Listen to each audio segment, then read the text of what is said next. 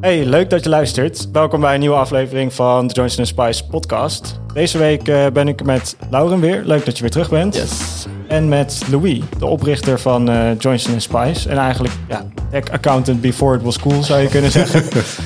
uh, deze week hebben we eigenlijk een tweetal onderwerpen. eerst Be Real, de app. Um, daar was wat nieuws van deze week. Daarover later meer met Lauren. Um, en ik wil het ook graag hebben over een discussie die ik hier van de week gehoord heb. Um, algoritmes, eerlijke algoritmes en bias in algoritmes. Cool. Ja, zin in. Nou, let's go. Uh, jullie kennen natuurlijk BeReal. Dat is die app waar je een foto van jezelf maakt op een onaangekondigd tijdstip op de dag. Uh, nou, jullie weten misschien een beetje hoe het werkt. Het komt op een onaangekondigd tijdstip, maar uh, in het algemeen wacht je dan tot het moment dat je denkt: dit is het hoogtepunt van mijn dag. En voor mij is dat nu. Dus kom even op mijn BeReal, dan maak ik snel een fotootje. En dan heb ik dat dan ook maar weer gedaan. Uh, dat gezegd Oei. hebbende... Oh, dat is wel een teleurstellende foto, jongens. No uh, ja, ik zeg het van mezelf. Is er een reden dat ik er niet op sta? Dat, uh, dat, ja, gaan we daar even niet op in. Um, maar het leuke aan BeReal is natuurlijk uh, dat het spontaan is, dat het eerlijk is. En het is enorm succesvol. Het staat al maandenlang in de toplijstjes van de App Store en van de Play Store. Uh, en eergisteren kwam er in het nieuws dat zij kennelijk eerder dit jaar uh, funding hebben opgehaald. Nou, vond ik interessant. Uh, 60 miljoen ging het om. dus nogal een bedrag Zo. ook. Ja. Dus ja, jij Nog voor een nieuwe social app. precies. En ja, ik weet niet of jullie weten wat het verdienmodel is van BeReal. Ik heb nog eigenlijk geen advertenties gezien, dus ik ben benieuwd. Nee, ik ben wel benieuwd eigenlijk. nee, Waar zou je geld mee gaan verdienen? Volgens mij weet niemand nog wat het verdienmodel is. Inderdaad, geen advertenties. Ah. ze zeggen persoonsgegevens niet te verkopen. Uh, het is natuurlijk een heel gesloten netwerk. Dus ja, je hebt je eigen vrienden en that's it. Dus ja. ik zie ook niet echt een rol voor marketing gaat niet werken, nee. Nee, um, dus dat vind ik uh, interessant. Uh, je, wat je erin ziet eigenlijk is dat er weer een techbedrijf is dat eigenlijk al populair is voordat je hebt nagedacht over hoe je je geld gaat terugverdienen. Ja. En toch staan investeerders daarvoor dus kennelijk in de rij. ze hebben nu 60 miljoen opgehaald met waarschijnlijk een waardering die in de orde grootte van 600 miljoen euro ligt. Het is echt over een succesvol bedrijf. En ik heb ook even opgezocht, uh, doorvertaald naar de kosten of naar de, de waarde per gebruiker, is dat ongeveer 150 dollar voor elke daily active user die BeReal heeft. Nou, vond ik eerlijk gezegd een belachelijk dus iemand bedrag. heeft 150 dollar betaald voor jouw account. Voor mij, precies, voor mijzelf. Nou, ik voel me op zich die waarde geschat. Ja. Wat dat betreft ook wel weer leuk, want dat, dat kansloze fotootje van mij van net, denk nou, dat vinden ze dan toch wat waard in elk geval.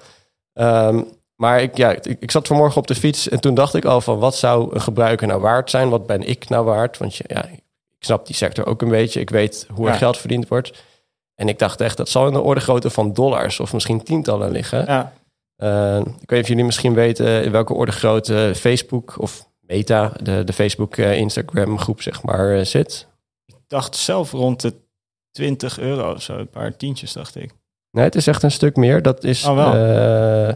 Moet het even opzoeken. Dat was, ik heb het al even opgezocht natuurlijk van tevoren. Uh, ja, ik zie dat ik het verkeerd gezegd heb weer. Dat is een beetje onhandig.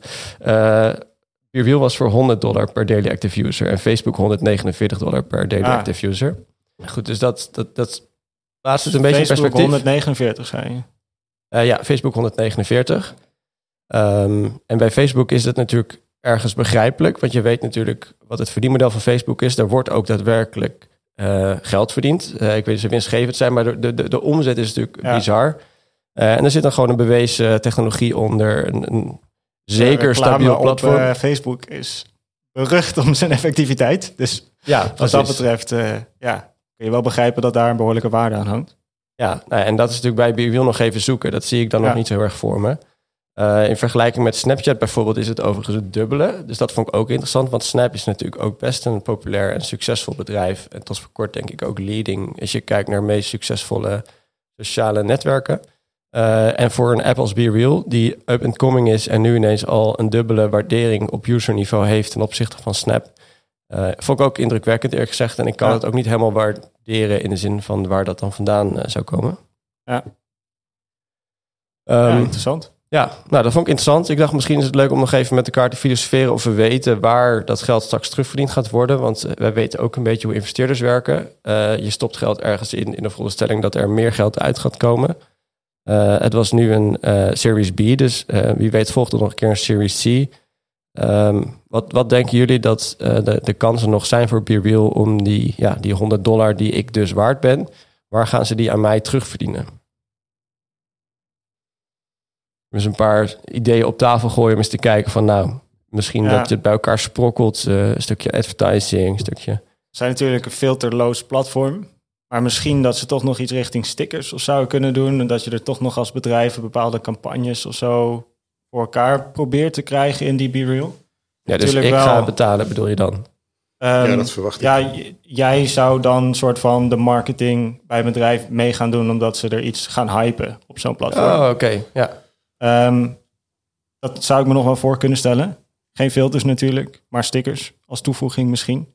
Het voordeel is natuurlijk dat je... Ik weet niet hoe dat met jullie zit, maar ik heb al heel lang niet meer ingelogd op Facebook. Dus mijn account daar is praktisch waardeloos.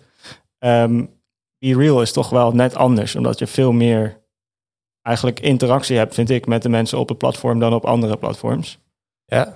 Uh, of tenminste interactie met de content van anderen. Het voelt veel persoonlijker. Ja, dus eh, ik heb wel het idee dat elke foto die ik post, wordt door bijna al mijn vrienden bekeken. Terwijl op Facebook was natuurlijk het gevoel van ja, er moet wel goede content zijn, anders krijg je geen likes en dan zien mensen het niet.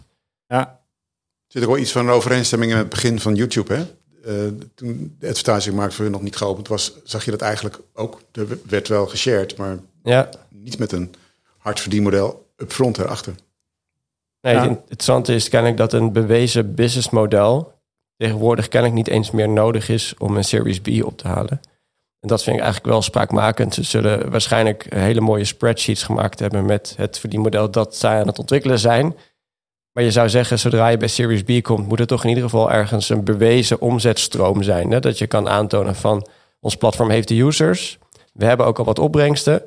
Maar ja. Ik heb nog de upgrade-knop niet gezien in de app. Dus. Nou ja, het is natuurlijk ook zo dat die, dat platform heeft Gen Z-users. Hè? Ja. Uh, dus ik denk dat dat ook wel de attentie uh, uh, oproept van investeerders. Ik weet niet hoe dat zich zou moeten doorvertalen. In een businessmodel, dat, is, dat zie ik niet. Maar ik snap nou, wel dat ze daar willen zitten. Groep, dan gaat het waarschijnlijk over het bereiken van users. Dus dan misschien eerder advertising. Ja, dus ergens daarachter, dan verwacht ik wel dat dat model over de gebruikers heen... misschien nog wel ja, zeg maar echt gaat werken hoe dat dan voor BeReal rechtstreeks uh, uitpakt, dat is me nog steeds niet duidelijk hoe zij er dan geld aan gaan verdienen. Maar dat daar iets zit, dat voel ik wel aan. Ja, en ik denk ook wel dat het duidelijk is dat er uh, behoorlijke mate van interesse is in een andere nieuwe social app. Dat de frustraties groeien toch een beetje bij uh, de platformen, over de platformen eigenlijk. Ja. Um, ja, ik sprak gisteren even met, met Raymond, die hier natuurlijk op kantoor met allerlei leuke projecten ondersteunt. En die, uh, die zei van BeReal, wat ook nog wel een model kan zijn, is dat ze je gaan laten betalen voor die stories. Hè? Dus je maakt elke dag een foto en je kan dan in de app je foto's van de afgelopen dagen zien. Mhm. Er zijn natuurlijk ook wel wat appjes waar je aan het einde van het jaar een fotoboek kan bestellen met ja, 365 foto's van het jaar. Geniaal vind ik dat ook persoonlijk. Zoals Polar Steps voor je reizen eigenlijk. Maar ja, dan, precies. Uh, Voor je levensjaar. Ja, ja precies. Ja. Ja. dus uh, misschien dat dat wat waard is. En ik zag zelf ook in de privacyvoorwaarden dat een van hun grondslagen is dat zij jouw gegevens mogen verwerken om uh, de betaling, jouw betaling te verwerken. Dus er zit oh. kennelijk een betaald model aan te komen. die sporen die kan ik wel eens weggeven. Dat, dat durf ik dan uit de privacyvoorwaarden af te leiden. Ik kan me ook nog wel voorstellen uh, dat ze proberen de, uh, jouw userprofiel duidelijk je terug te kunnen rapporteren over lange termijn. Wie kijkt nou eigenlijk naar jouw filmpjes en hoe dan? Ja, maar het is natuurlijk best besloten. Dus in die zin heb ik niet. Ik leer geen mensen kennen op de bio Ik leer mijn vrienden beter kennen. Dat, dat is voor mij de waarde. Maar hoeveel zijn dat er? Uh, ik heb geloof ik tien vrienden nu. Dat is een overzichtelijke groep. Maar als die groep heel erg zou kunnen groeien, stel dat dat gebeurt, dan krijg je een ander soortig inzicht dat je misschien kunt kopen. Je hebt ik weet wel niet, een beetje wat je op Facebook vrijwel niet ziet en op Twitter dan wel weer. En BeReal ook. Je ziet natuurlijk als je dan kijkt naar die B-reels van vandaag, dan zitten daar posts van de hele wereld bij. En dan zie je een foto van iemand die echt op een compleet willekeurige locatie in de wereld ergens aan het chillen is. Ehm, dat zijn wel grappige interacties, maar ik zou niet weten hoe dat ooit tot iets langdurig constructiefs gaat leiden. Zeg maar dat je denkt, één interessante foto, ga ik niet iemand meteen voor frienden op zo'n soort app. Dus nee. toch ja. ik denk dat de charme van BeReal heel erg in het authentieke zit. En dat is natuurlijk een beetje verweven in de naam ook en in, in de filosofie ervan. Voor mij is het heel erg... Uh, ik heb vrienden gehad die hebben foto's gemaakt dat ze op de wc zaten. Dat je... TMI.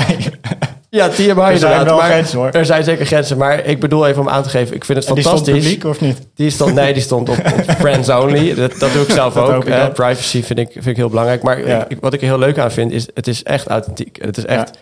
Mensen denken, oké, eh, dit is niet mijn beste moment. Maar ik ben het. En mijn vrienden mijn waarderen mij voor mij. En ik vind het leuk dat je aan het eind van de week, als je een borrel hebt met vrienden, kan zeggen: hey, ja, ik zag dat je je muur geverfd hebt. Of nou ja, ik zag dat je Ja. op de wc zat. Dus dat misschien wat minder spraakmakend. maar Ja. het, het leuk dat je elkaar wat beter leert kennen. Dus ik denk dat daar de core van het platform wel ligt. En het verdienmodel zal dat wel moeten incorporeren ergens om dat succes te behouden. Ja. Ja, dat is natuurlijk het mooie voordeel van die, die timing die elke keer onvoorspelbaar is. Waardoor je niet echt eh, je persona kan plannen die je wil publiceren. Het is gewoon... eh, Ja, en als mensen nou ook bent. gewoon de foto maakten wanneer ze hem moesten maken. ja, in plaats van Lauren. zoals ik. Oei, morgen beter, morgen beter. ja, Maar ik wilde het eigenlijk ook graag nog even hebben over eh, een ander onderwerp. Eh, namelijk eh, algoritme. Ik sprak namelijk van de week eh, met Glenn op kantoor. Misschien dat we binnenkort nog een keer uitnodigen ook eh, om mee te praten. Dat is wel interessant, denk ik. Ehm, maar we hadden een discussie over eh, een klant die gebruikt een model waarin een aantal ja, inputs gebruikt worden waarvan je af kan vragen of dat eh, wel de bedoeling kan zijn.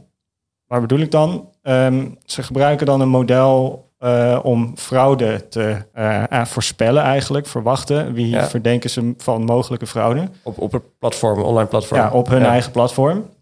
Ehm, dus ze hebben daar natuurlijk een scala aan ja, informatie over hun gebruikers. En ze kunnen van achteraf van fraude natuurlijk heel goed vaststellen wie dat geweest zijn, welke eigenschappen zij hebben. En ze Ja, hebben geprobeerd oké, op basis daarvan eh, te voorspellen voor nieuwe gebruikers. En Ja, dus je, je ziet, eh, wij hebben duizend, eh, laten we zeggen, verkopen, even generaliseerd gesproken, Ja. waarvan er honderd fraudegevallen zijn. Je gaat die gevallen voorspellen op je komende verkopen. Dat is wat Ja. hier gebeurt. Ja. Ja, en wat zij in een unieke situatie zitten, bij heel veel fraude is het zoeken naar iets wat misschien bestaat. Eh, hier weten ze het bij de fraude, omdat ze, eh, maar ze kunnen eigenlijk voor elke transactie achteraf vaststellen of dat wel of niet fraudeleus geweest is op basis van de informatie die er achteraf eigenlijk altijd beschikbaar komt. Ja, dus dat is een Ehm, hele goede basisdata eigenlijk, dat ze Ja. min of meer 100% van de fraudes kennen. Ja, maar Ja. achteraf. En je wil ze nu graag voorkomen. Ja. Ehm, maar wat ze dus gedaan hebben is eigenlijk alle informatie van de gebruikers meegenomen. En dan komt toch, als wij dat dan zien, de vraag op, maar wat gaat er nou in dat model?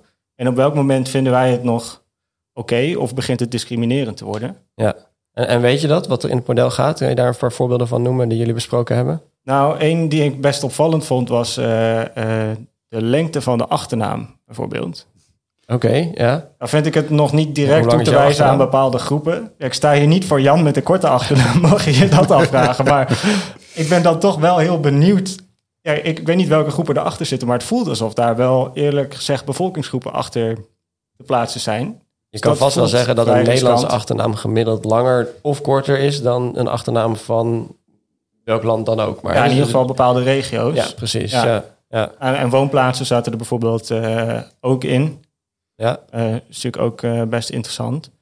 Dus ja, hier begint dan wel de vraag te komen in hoeverre je daar als accountant misschien iets van zou moeten vinden. Dat een klant zo'n model gebruikt in de praktijk.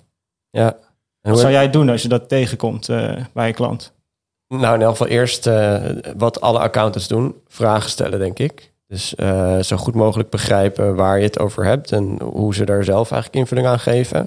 Ze hebben misschien nagedacht over die achternaam, maar vooral hebben ze daar hopelijk ook nagedacht over bias of over discriminatie.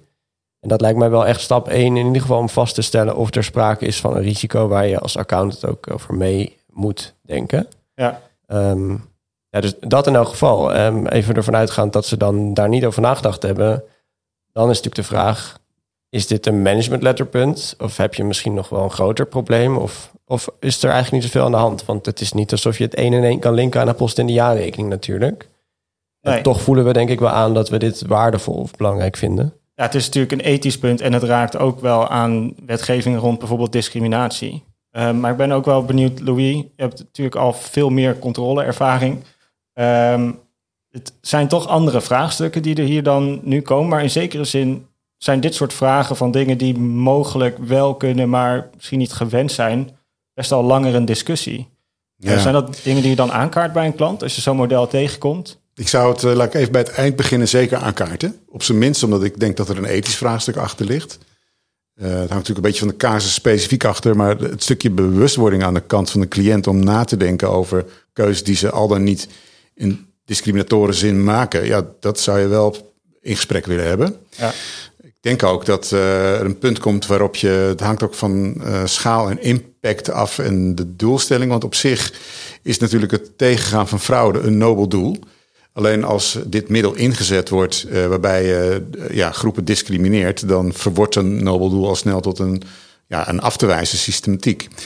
Ik maar even toeslagenaffaire zeg Ja, maar. we hebben dat was natuurlijk flink heel nobel doel. klassieker Het natuurlijk. aanpakken Ja. van fraudeurs in een toeslagensysteem. En Het dat is profileren van de politie. eh, ja. Hetzelfde verhaal eigenlijk ook. Dus het, het is Ja. echt denk ik wel zo dat we dat in maatschappelijke zin, zeker hier in het Westen, eh, verwerpelijk vinden. Ik zal als accountant daar denk ik uiteindelijk ook een issue van maken samen met mijn cliënt. Dus als cliënt dat eigenlijk de normaalste gang van zaken zou vinden en daarin persisteert, weet ik ook niet of je op lange termijn eh, met elkaar door kan of moet. Wat ik wel heel lastig vind, is dat je ziet dat eh, waar we vanuit een traditionele rol als accountant heel erg eh focusten op de financiële stromen van een organisatie. eh, had je dit type vraagstukken natuurlijk helemaal niet. Maar de wetgeving is nog lang niet zo ver dat we daar al op terug kunnen vallen door te weten wat er kan en wat er niet kan. Dat vind ik wel Ja. ingewikkeld aan nu. Dus ja, dan begint het, zoals je net terecht al zei, Gerke, bij een goed gesprek. En ik denk ook wel echt dat eh, ja, op termijn zullen we daar als accountants, ik denk ik persoonlijk in elk geval, conclusies aan willen verbinden. Welke type cliënten je dan wel of niet zou willen verdienen, eh, bedienen. Ja, Pittig besluit zou het zijn, denk ik, dat wel. ja, wel lastig. Maar ik denk ook dat het daar een hele mooie rol weggelegd is. Omdat je wel ja, als accountant die dingen ziet gebeuren eigenlijk bij je ondernemingen, bij de Ja. klanten. Ja, Ja, en ik Ehm. zie eerlijk gezegd ook wel dat bij veel klanten bij gebrek aan regelgeving er vaak nog steeds behoefte is om ethisch te handelen. Dus dat Gelukkig Eh, wel. Ja, Ja, precies. Ja. En eh, misschien heeft dat ook met de sector te maken en met veel jonge mensen die misschien wat meer value-laden zijn. Maar ehm, wat ik heel veel merk, ook met andere wetgeving, bijvoorbeeld privacy-wetgeving is een goed voorbeeld, dat onze klanten misschien niet zo heel veel hoefden te veranderen om de GDPR te implementeren, maar wel moesten laten zien dat ze het al geïmplementeerd hadden Ja, als het precies. ware, omdat ze al zorgvuldig waren. En misschien Ja. dat je dat hier ook ziet. Er is nog niet heel veel wetgeving die heel specifieke vereisten stelt. Er zijn wel frameworks. Op EU-niveau zijn er voorstellen die best heel impactvol zullen zijn. Ja. Maar op dit moment ja, is het toch best wel veel vrijheid. En ik denk dat onze klanten ook waarderen dat wij die vrijheid ja, helpen begrenzen, helpen richting geven, aan kunnen geven. Maar bij die andere entiteit doen ze het als volgt. Misschien kunnen jullie daar ook iets mee in jullie eigen aanpak. Ja, Ja, er zit ook wel iets van machteloosheid in. Als je bijvoorbeeld kijkt naar een hele andere sector, de, de kledingindustrie, daar weten we van. En de, de laatste tijd is het ook meer dan actueel aan het worden dat er ontzettend veel kinderarbeid en dwangarbeid eh, plaatsvindt. Eh, terwijl alle grote modehuizen gewoon goedkeurende verklaringen krijgen. Eh, dat zegt ook iets over de attitude van de accountant en het bedrijf zelf daar. Dat is ook aan het veranderen. Eh, je ziet ook de inwerking van de crowd daar heel erg eh, een rol vervullen. Dus langs die kant is er misschien wel meer correctief vermogen dan vanuit de kant van bijvoorbeeld een extern controleur. Maar het, het is wel een heel lastig onderwerp. Het is heel taai, want eh, het gebeurt op, op zoveel facetten in, in de samenleving dat er ja, dingen gebeuren die we vroeger allemaal doodnormaal vonden of niet wisten. En inmiddels en wel weten en ook niet meer normaal beginnen te vinden. Ja. Ja, de rol van de accountant zal daar ongetwijfeld door gaan veranderen. Maar hoe, ik weet het niet. Mijn persoonlijk gevoel is wel dat je daar, denk ik, eh, ja, best kritisch op behoort te zijn. Ik vind wel interessant op zich wat je zegt ook over dat we het nu misschien meer weten dan eerst. Want ik denk dat daar de heel interessante discussie of de rol eigenlijk rond algoritme begint te worden. Dat de bias die we misschien vroeger als mensen hadden, werd met iets meer geaccepteerd in die zin dat hij wat onzichtbaarder was. Dus stel dat deze klant niet een algoritme had om fraude te detecteren, maar dat daar een team zat dat dat deed, dan waren deze overwegingen er misschien Ja. ook geweest. Alleen Zeker, veel ja. Ja. sub, ja, zeg dat, indirecter. En dan had je het als accountant misschien helemaal niet eens gezien. Dus dan, Je ziet dat in, eh, in HR-processen natuurlijk. Hè. We weten Ja. natuurlijk uit de literatuur dat mensen geneigd zijn vergelijkbare mensen aan te nemen, bijvoorbeeld. Dus mannen denken snel dat mannen beter zijn in werk omdat ze ja, bepaalde karaktertrekken hebben die bij dat werk passen. En die, Ja. onderkennen niet voldoende de waarde van vrouwen in die rol bijvoorbeeld. En dat zie je denk ik met ras ook terug. En dat zie je op veel verschillende manieren natuurlijk in menselijk gedrag, maar niet aanwijsbaar inderdaad. En daar zit wel een soort kentering natuurlijk. Dat ineens als het door een algoritme gebeurt, dan mag het niet meer. En dat is denk ik valide. Maar het is interessant dat daar dus iets meetbaar is geworden... wat vroeger kennelijk niet meetbaar was. Dat Ja. er discriminatie plaatsvond. Dat kunnen we nu dus kennelijk zien. En daarom pakken we het nu aan. En we hebben het nooit oké wel- gevonden, maar we kunnen het nu Precies. aanwijzen dat het gebeurt. Precies, we kunnen En- nu zien dat het fout gaat. En dus maken we er een, een ja, Er ontstaat ook wel iets nieuws, eh, denk ik, eh, hier ook in onze rol als accountants. Want wij hebben eh, in, in toenemende mate beschikking over eh, enorme databestanden... waarin we veel van onze klanten zien, veel meer dan we ooit hebben kunnen zien. Eh, soms kan het ook maar zo zijn dat wij degene zijn die eh, ontwikkelingen en trends eh, aan de orde kunnen stellen. Die die klant misschien nog niet eens op het vizier heeft. Dus het maakt ook nog dat we ook nog in een early stage zitten daar soms. Het hangt een beetje van het type onderwerp af. Ik kan me heugen dat, dat we heel recent bij een bepaalde cliënt een hele grote wederverkoper ontdekten. Ja, die hebben wij ontdekt. Ja, dat is dan informatie die, die nieuw kan worden ingebracht in zo'n relatie. Ja, je ziet dat sowieso maar- bij eerstejaars controle is dat je al je accountants bagage, je ervaring meeneemt van al die andere techbedrijven die je al gezien hebt. Ja. En dan weet je, oké, als ik de legal officer spreek, dan gaan we het hebben over bribery, over privacy, over Europese wetgeving, et cetera. Dus eigenlijk kan ik dat riedeltje al dromen. En dan spreek je dat gesprek door en dan merk je ineens dat een van die onderwerpen bij hun niet op de radar stond. Ja, dat is natuurlijk een heel mooi voorbeeld van hoe jij vanuit je ervaring iets van bedrijf A naar bedrijf B kan transformeren. En zeker in een eerstejaarscontrole, dat je bedrijf inderdaad kan helpen om die radar eventjes weer op scherp te krijgen. En te laten zien dat in dit geval dan algoritmes en geautomatiseerde besluitvorming, dat dat onderdeel moet zijn van een risicomodel. Dat ze daarover Ja. na moeten denken, hoe ze dat vormgeven. En dat je daar ja, op hoog niveau de organisatie dus eh, sturing aan moet geven. Ja, ik vind het leuk dat je juist dat zegt. Want met name zeg maar, op niveau van eh, de corporate governance zie je dat dit soort thema's vaak nog wel wat weggestopt zitten. Heel vaak weten toezichthouders niet eens goed wat er aan meetbaarheid zit op, op de data eh, onderliggend. Dus als wij die trends kunnen rapporteren, bijvoorbeeld in ons controle in accountsverslagen, ja, dat is eigenlijk een enorme toegevoegde waarde. En je ziet ook dat klanten daar over het algemeen heel gretig op reageren. Ja. Ja, het is ook een kwestie van tijd natuurlijk, hè, totdat er wel wet, wetgeving is. En eh, tot die tijd kunnen wij natuurlijk gebruik maken van de draft wetgeving om het in ieder geval aan te kaarten en op de, op de roadmaps te krijgen bij bedrijven om daar invulling aan te geven.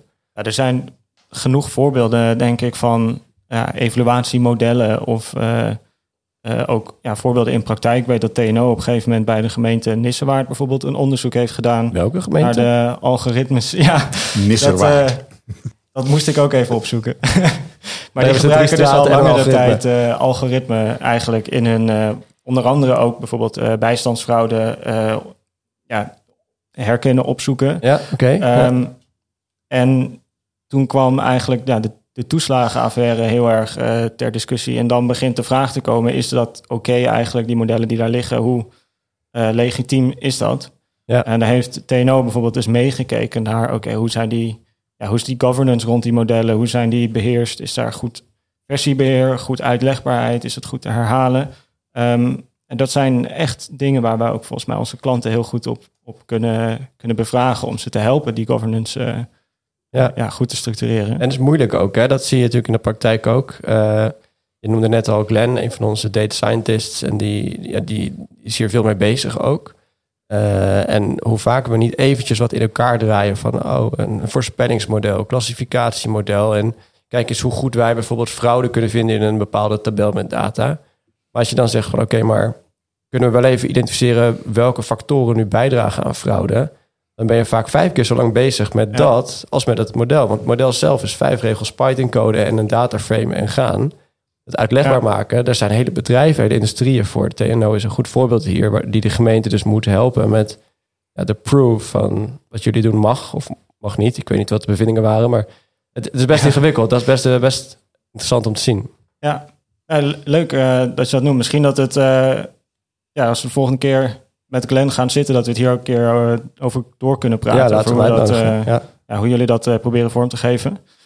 Ja, super interessant. Ik denk ook dat, eh, dat we met hem nog eens de relatie kunnen leggen met zeg maar, de, de, de echte business eh, eh, kant van bedrijven en de datakant. Want waar je het over hebt is duiding. En dat is super interessant om dat goed te begrijpen. Dat is nou typisch iets waar zo'n data scientist uh, continu mee bezig is. Die relatie leggen tussen de realiteit en de data. Superleuk om daar eens over door te praten. Ja, ik denk dat ik daarmee graag wil afronden voor deze keer. Uh, superleuk dat jullie erbij waren. Um, ik heb eigenlijk nu al zin in om de volgende op te nemen. Ik heb toch, uh, er zijn genoeg onderwerpen om mee door te gaan. Nou, bedankt voor het luisteren en tot de volgende keer. Tot ziens. Volgende dag.